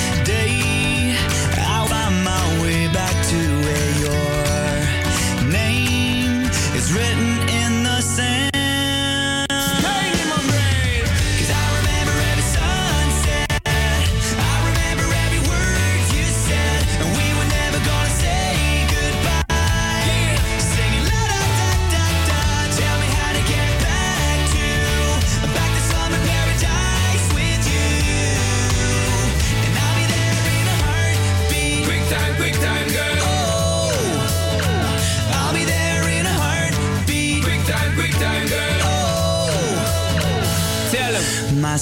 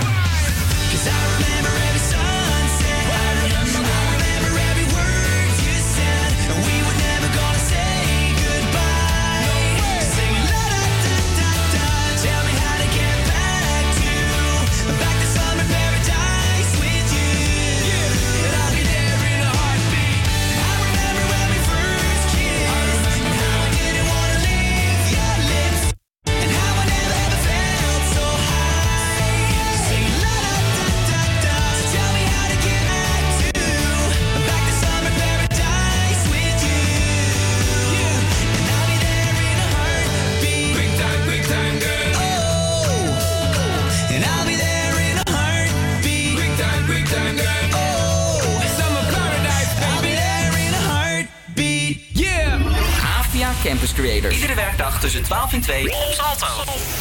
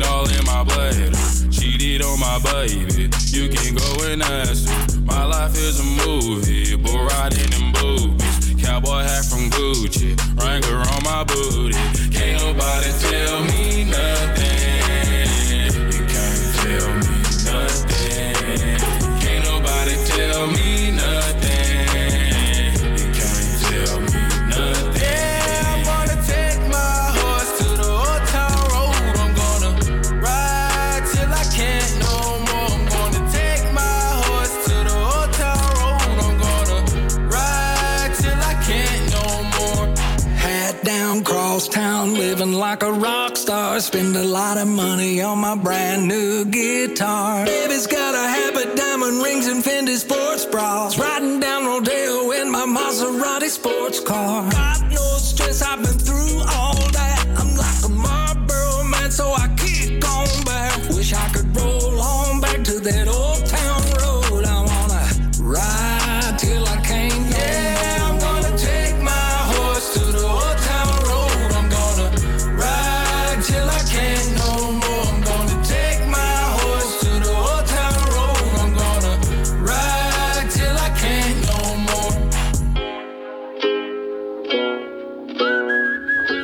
dit weekend rustig eh, 25 graden. En dit was het voorpret, Summer Paradise. En daarna deze Old Time Road van Billy Ray Cyrus. Dat is dan weer de vader van Miley.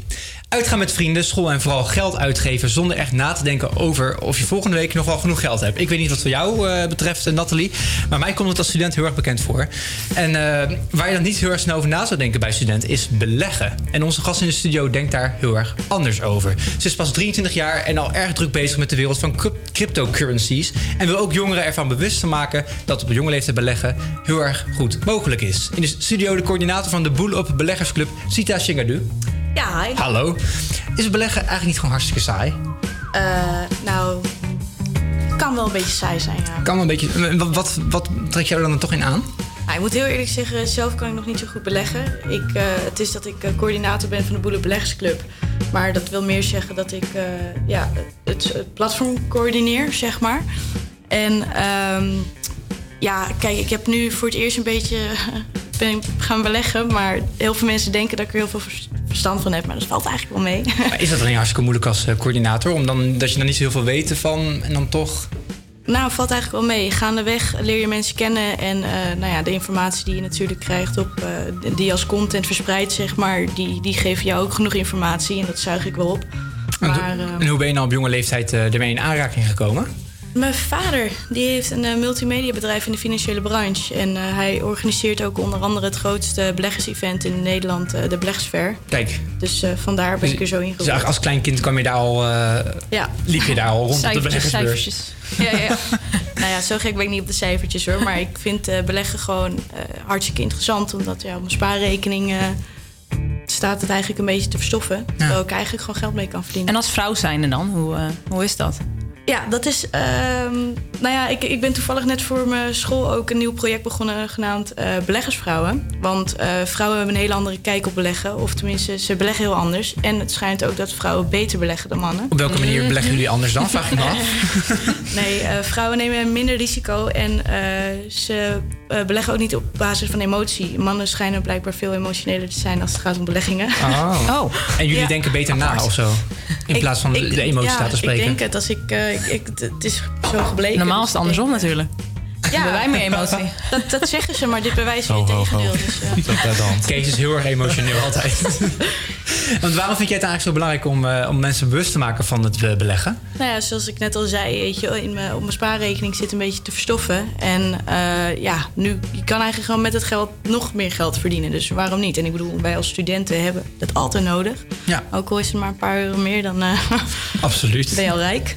Dus eh, in dat opzicht is het, ja, vind ik het heel erg belangrijk dat iedereen dat beseft. En En eh, ook het feit dat het eigenlijk best wel simpel is en dat het tegenwoordig alleen maar simpeler wordt. En op welke manier maak jij ze dan eh, bewust daarvan? Alleen maar via de Boele Beleggersclub of ook anders via je social media of zo? Nou, in principe eigenlijk wel voornamelijk via de Bo- eh, Boele Beleggersclub. Ehm, nu moet ik zeggen, is dat een wat oudere doelgroep natuurlijk, met, met me- veel vermogen. Maar doordat ik veel social media inzet, nu middels audiovisuele producties zoals vlogjes en zo, probeer ik ook de jongeren te bereiken.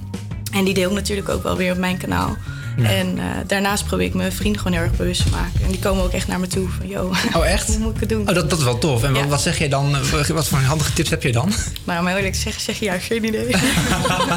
gewoon doen. Ja, gewoon doen. Nee, ik, eh, kijk, het is. ehm, ja, jongeren zijn natuurlijk niet zo vermogend, of tenminste Minder, waarschijnlijk. minder vermogend, inderdaad. Dus bij, bij grote vermogensbeheerders kom je dan niet zo snel terecht, natuurlijk. Maar het is tegenwoordig veel makkelijker om te gaan beleggen door eh, platformen zoals de, de Giro. Ja. En ehm, nou ja, daar kan je dan zelf je geld in investeren voor een heel laag bedrag. En eh daar kan je een beetje mee spelen. Maar ik moet heel eerlijk zeggen, ik, doe, eh, ik ben begonnen, maar ik vind het heel erg lastig, want ik heb het echt heel erg druk. Dus Ja. ik heb er ook helemaal Ja, geen tijd. Dus, want je moet het wel heel erg in de gaten houden. hè? Dat klopt wel. De juiste mensen in Ja. momenten instappen, uitstappen. Mhm. En dat kan echt veel verschil maken. Ja, absoluut. En nou ja, ons platform is dan wel interessant omdat wij elke dag eh, gewoon tips delen. Maar ja, alsnog moet je er zodanig op zitten, wil je er continu in de gaten houden. Dus ja, voor mij is dat best wel lastig. Maar ja, ik denk dat het voor de meeste jongeren best wel lastig is, omdat ze gewoon ja, veel tijd kwijt zijn aan werken en school en feesten. Dus vooral. ehm, ja, maar je kan ook gewoon bij je eigen bank eh, kan je eigenlijk gaan beleggen. Want daar zitten die gasten die werken er gewoon voor en eh, die zitten er continu Die doen dat op. voor jou. Ja. Ja. Je zei dit al eventjes. Jij bent eh, dus coördinator van de Boelop Beleggersclub. Kan jij ons kort nog vertellen eigenlijk wat dat is überhaupt? Eh, het is een eh, ja, beleggersplatform. Eh, er zitten bijna 5000 eh, leden bij. En je kan gewoon, nou ja, eigenlijk wordt het nieuws gefilterd omtrent beleggen. En dat wordt allemaal op één pagina wordt het, nou, geshowd, zeg maar. Mhm. En daarop delen we tips en we bieden educatie aan. Dus ook alle masterclasses die worden gegeven op onze events. Nou, die delen we daar ook weer op. Ehm, ik ben nu bezig met partners genereren. Om zo meer kennis eh, nou, te bieden aan onze leden. Dus eh, ja, zodat ze meer En, en wat voeg jij dan als eh, persoonlijk als jonge ondernemer eigenlijk? Wat voeg jij daaraan toe? Wat is hetgene wat jij echt aan die site kan toevoegen? Nou, ik denk voornamelijk een beetje vernieuwing en eh, het Ja, wat het is iets voor de oudere doelgroep. Dus Ja, jij bent waarschijnlijk wel echt een soort van, eh, ja. een soort van vernieuwer bijna. Ja, absoluut. Ja. En het, is- het is ook wel leuk, want sinds ik er werk, ik werk er nu een half jaar. En eh, ten opzichte van vorig jaar is het eh, bijna 240% gestegen qua websitebezoekers, maar ook eh, op eh, social media. Dus dat is wel heel gaaf om te zien dat het zijn vrucht afwerkt. En na je studie zou je dit nog willen doen, je hele leven lang? Of? Nou, om heel eerlijk te zijn, nee. nou ja, ik weet het, ik weet het niet. Ehm, Je weet niet wat het brengt. Zou je vaders rol over willen nemen bijvoorbeeld? Nou, mijn vader die, eh, die, die werkt niet meer, die vindt het allemaal goed. dus eh, die zie ik het ook niet zo snel doen. Maar ik denk wel dat ik voor iemand anders dit eh, goed kan eh, opzetten en eh, dat hij het over kan nemen. Maar Sita, zoals ik jou nou hoor, eh, het lijkt er wel bijna geen risico's aan beleggen te zitten. Zit er zeker wel aan, maar ja, het is natuurlijk zo risicovol als je het zelf maakt. Ik bedoel, ja, kijk, als je in crypto's gaat eh, handelen, ja, dan wil je gewoon een groot risico nemen. En nou ja, hè, Ja, het kan, uitpakken, goed, het kan goed uitpakken. Ja, kan weet ook je, heel het- verkeerd. Het heeft zijn ups en het heeft zijn downs. En eh, dat is natuurlijk ook met beleggen zo. Maar zoals ik al zei, als je beheerd beleggen doet... eh, dan kies je meestal voor de neutrale belegging. En dat is een portefeuille die bestaat uit 50% eh, aandelen en 50% eh, obligaties. Ja. En obligaties zijn in principe best wel safe. Dus Ja, en je, je noemde net al even het woordje crypto. Daar eh, heb jij, net zoals dat je vader evenementen organiseert, heb jij vorig jaar eh, voor het eerst de Bitcoin Crypto Congres georganiseerd. Ehm, hoe was dit eigenlijk om te organiseren? Want Dat is natuurlijk een beetje uit een andere soort van rol. Maar was echt, eh, ja, was echt heel gaaf, maar wel echt chaos voor mezelf. Ik heb dus echt helemaal geen verstand van crypto. En dat was dus de grootste uitdaging. Een evenement organiseren. Jij bent meer een soort van jonge ondernemer in een wereld waar, je- waarvan je zelf nog niet echt weet wat het is. Ja ik, ja, ik pak alles gewoon aan en eh, ik vind het hartstikke leuk om uit te voeren. En gaandeweg leer ik er echt superveel van. Ik kan ook andere mensen erover vertellen, dus dat is heel erg gaaf. En zo was het eigenlijk ook met crypto. Ik, eh, ja, ik wist dat er wel gewoon behoefte in de markt was, helemaal voor die beleggers. Van zeg, weet je, wat is het nou? Hoe zit het nou? En eh, hoe kunnen we dat eigenlijk wat duidelijker maken? Dus tijdens eh, de beleggersfair hebben we dat eh, Bitcoin Crypto Congres georganiseerd. En eh, nou ja, het is wel heel leuk, want er kwamen heel veel ouderen ook naartoe. Ja. En die toch allemaal wel een beetje nieuwsgierig waren van wat is het nou? En nou ja, Maar nemen ze jou dan ook, of in ieder geval, nemen ze dat festival dan ook echt, het congres ook echt serieus? Als in, want jij bent natuurlijk jong en dat zijn allemaal oude gevestigde namen die misschien in hele andere dingen waarschijnlijk investeren, beleggen dan, eh, dan jij. Of dan mensen die in crypto eh, beleggen. Nemen ze jou serieus? Zag je daar heel veel mensen die zeggen... oh, nee, dit is eigenlijk ook best wel slim om te doen. Nou, ik, ik sta er best wel van te kijken dat ze me wel serieus nemen. Dus dat is, eh, dat is sowieso een wonder. Ik heb ook eer, wel, toch? Ja, ja, veel partners binnengehaald. En eh, nou ja, dat gaat natuurlijk niet om ja, koekenij of zo. Maar nee, Nee. echt eh, wel bedragen. en, ja, en, maar ik heb natuurlijk ook dat, dat, dat multimedia bedrijf achter me staan... die dus ook al meerdere events organiseert. Dus zij weten ook wel van aanpakken. Dus dat, ja, dat laat het ook wel heel Ja, professioneel. je hebt gewoon een eh, sterk team achter je staan. Ja, ja. En eh, nou ja, wij als studenten kunnen volgens jou ook leggen. Wat is aan jou, wat is een kleine tip om te beginnen? Wat, wat zou je echt moeten doen als jonge student? Nou We ja, willen niet te veel inleggen natuurlijk. Nee, maar je moet inderdaad ook alleen maar... Als je niet veel hebt, kan je ook niet veel inleggen. Nee, nee en, en je moet eigenlijk ook alleen maar met het geld wat je kan missen... daarmee moet je gaan beleggen. Als je het niet kan missen, moet je het niet doen. Maar wat ik nu ga doen, is gewoon wel mijn spaarrekening... eh, dat, dat doe ik eigenlijk al gewoon op eh, het beheerd beleggen doen. Mhm. En dan eh, wordt er gewoon voor je belegd. Heel weinig risico, maar dan hou je tenminste wel een rendement... van ongeveer 3% over. Zo, Nou, dat verschilt. En dat is toch mooi meegenomen altijd. Nou ja, beter dan niks, want in principe betaal je nu al voor je spaarrekening. En eh, tot slot eh, ben ik ook wel benieuwd. Dit klinkt allemaal heel succesvol natuurlijk. Maar wat is eigenlijk jouw grootste blunder ooit geweest eh, op beleggingsgebied? Je bent nog niet heel erg veel begonnen. Maar heb je al wat kleine foutjes gemaakt per ongeluk? Ja, ik heb wel één. ja, bij de Giro. nou, mijn grootste fout is eigenlijk het niet checken. Oh, en toen ben je, was je te laat uitgestapt of zo? Nou, het staat er nog steeds op. Ik weet niet echt goed hoe het gaat eigenlijk. Oeh, nou dat eh, gaan we nog even checken zo meteen dan.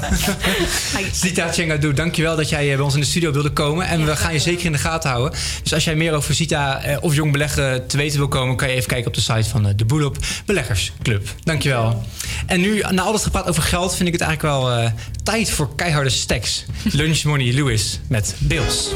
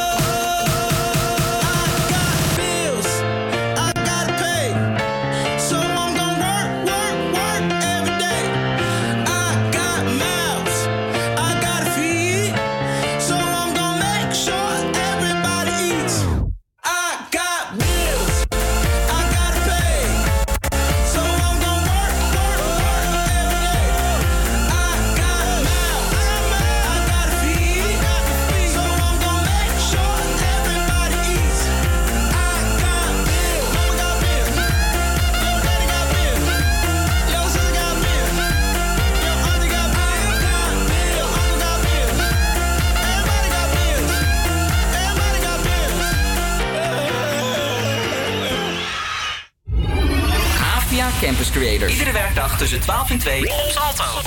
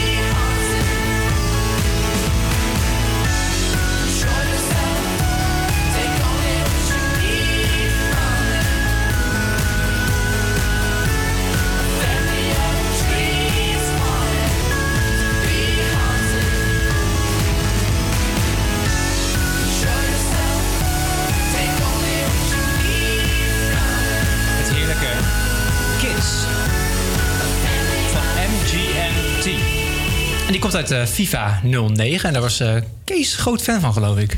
Ja, ja dat was een, eh, een mooie tijd. Een gouden ouwe. Het is eh, tijd voor een, eh, de rubriek die nooit is weg geweest. Namelijk nieuws met Naomi. Hallo Naomi. We zijn er weer. Jij neemt met ons eh, de opmerkelijke nieuwtjes van deze, van deze dag met ons door. Dus, ja, en eentje van gisteren. Eentje van gisteren. Ja. Voor de vooruit dan. Laat Ja. maar komen. Eh, sportapp Strava geteisterd door valspelers. Oei.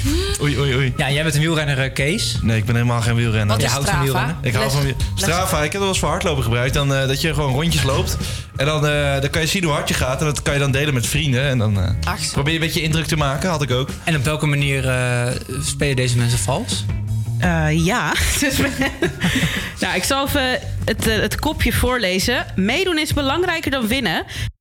Gaat voor sommige mensen niet op. Sporters lijken alles op alles te zetten om de aftoppers van hun troon te stoten op de populaire sportapp Strava.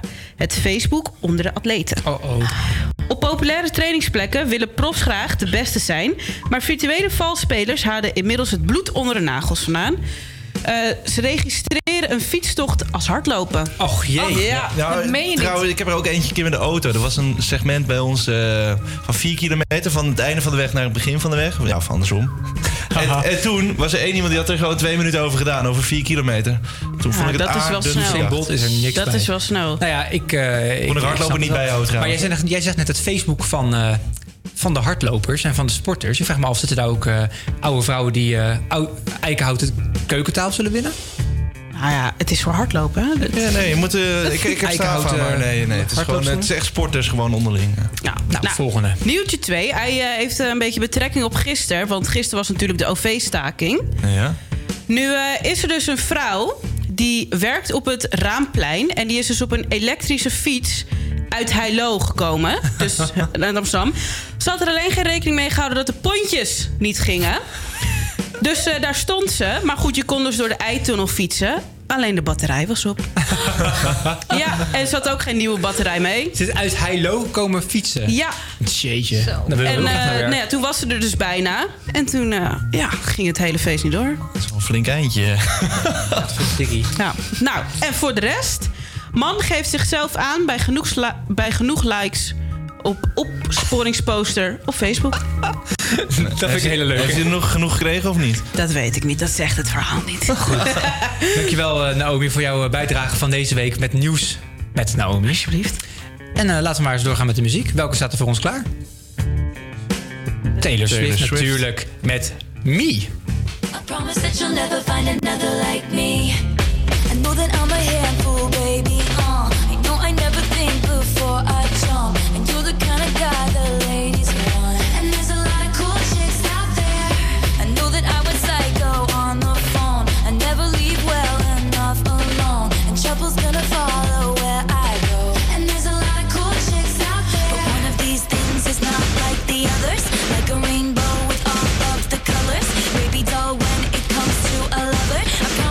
never find another like me.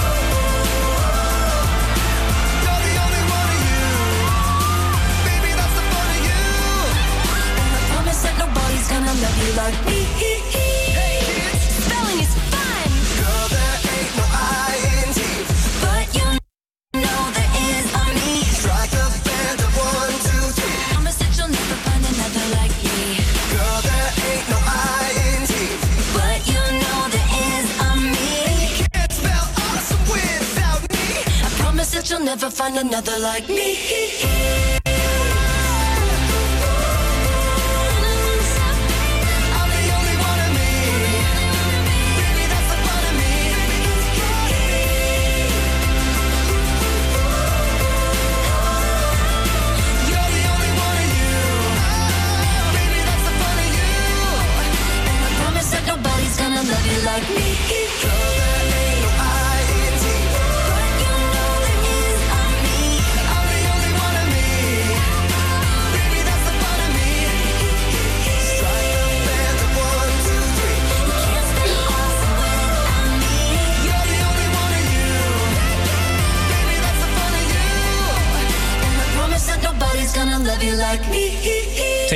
Met eh, ja, de titel die best wel vaak terugkomt, Me.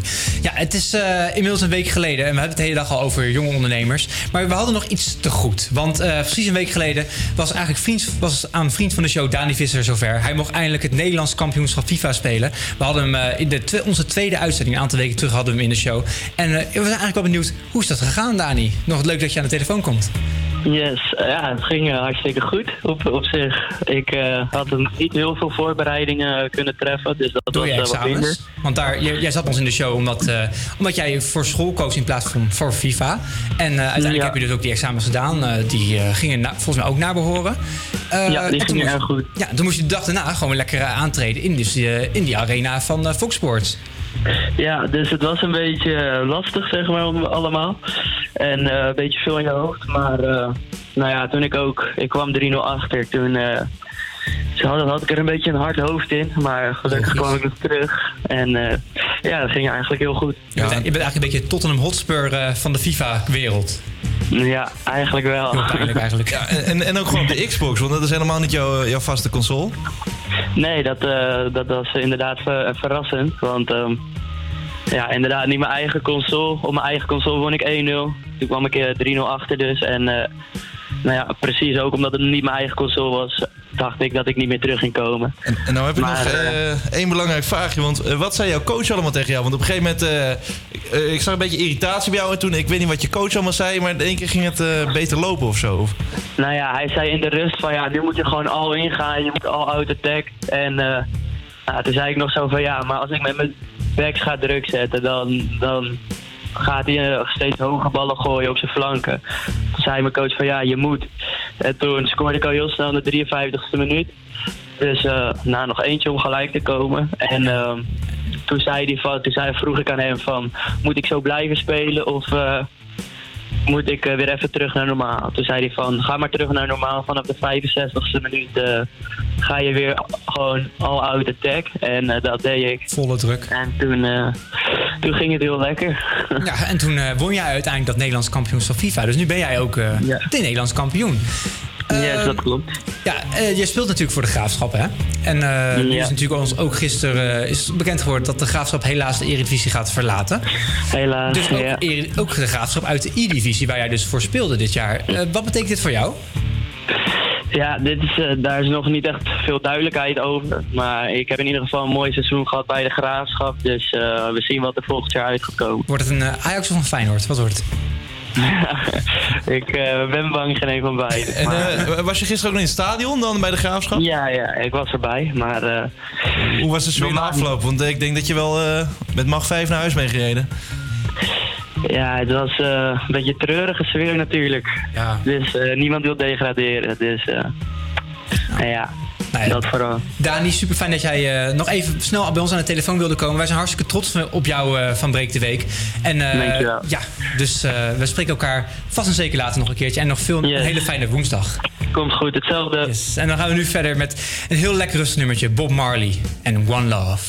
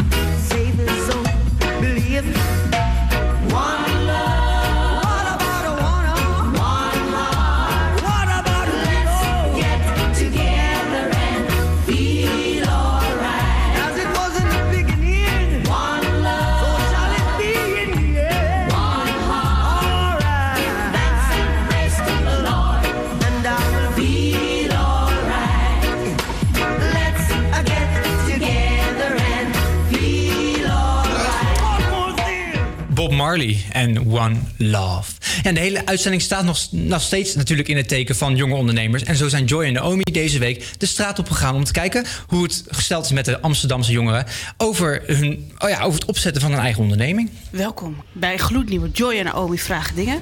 Dit keer als onderwerp jonge ondernemers. Jonge ondernemers. Willen mensen eigenlijk wel een eigen onderneming starten of willen ze misschien liever gewoon voor een baas werken? Vraag het aan de mensen. Wat voor baan heb je? Ik ben werkzaam bij de Laplace.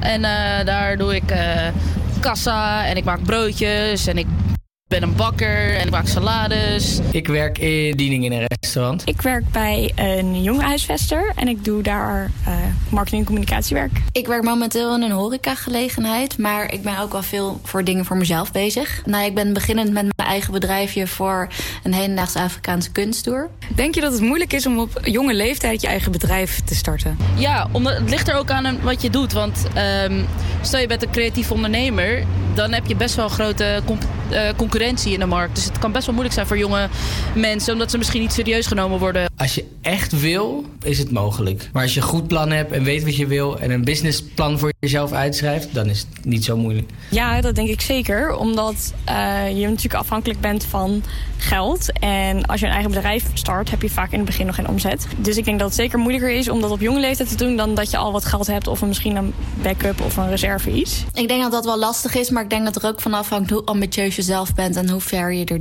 diep je er zeg maar in gaat. Dus ja, als je gewoon zelf zo hard mogelijk werkt, denk ik wel dat het zou moeten lukken. En zou je liever voor jezelf werken of onder een baas? Nou, als ik ben afgestudeerd, dan ehm, wil ik eerst gewoon beginnen als, ja, gewoon in dienst bij iemand.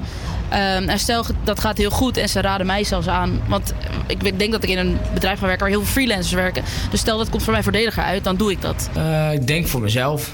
Gewoon omdat je dan meer vrijheid hebt. Het lijkt me echt super chill om voor jezelf te werken. Maar aan de andere kant betekent dat ook dat, je, eh, ja, dat jij als enige verantwoordelijk bent voor wat je doet. Eh, dus voor nu denk ik dat ik het hou, even hou bij onder een baas werken. Ik zou het liefst voor mezelf willen werken, maar uiteindelijk denk ik, denk ik dat je wel een netwerk nodig hebt en ervaring nodig hebt om eh, voor jezelf te kunnen beginnen. Dus eerst werken voor een baas. Dit was hem weer, Joy en Naomi voor deze week. Eh, volgende week de laatste uitzending van Breek de Week. En we gaan op pad. Maar wat we gaan doen, dat is nog een geheimpje. Tot volgende week. Dankjewel eh, Joy en Naomi voor eh, jullie bijdrage van eh, vandaag. En dat betekent inderdaad dat we aan het einde zijn gekomen van de één na laatste Breek de Week op Salto 1. En volgende week gaan we inderdaad enorm groot uitpakken. Want het, we gaan namelijk een heel groot interactief spel spelen in Amsterdam. En niet in één plek in Amsterdam, maar door heel, Am- heel Amsterdam heen. Dus, maar meer wil ik er eigenlijk niet over kwijt. Dus zorg dat je volgende week gewoon weer om 12 uur klaar zit. Want dan zijn wij er één voor de laatste keer op de radio. Zometeen kan je hier gaan luisteren naar Hello Radio. Dus ik wens jullie allemaal nog een fijne woensdag en tot volgende week.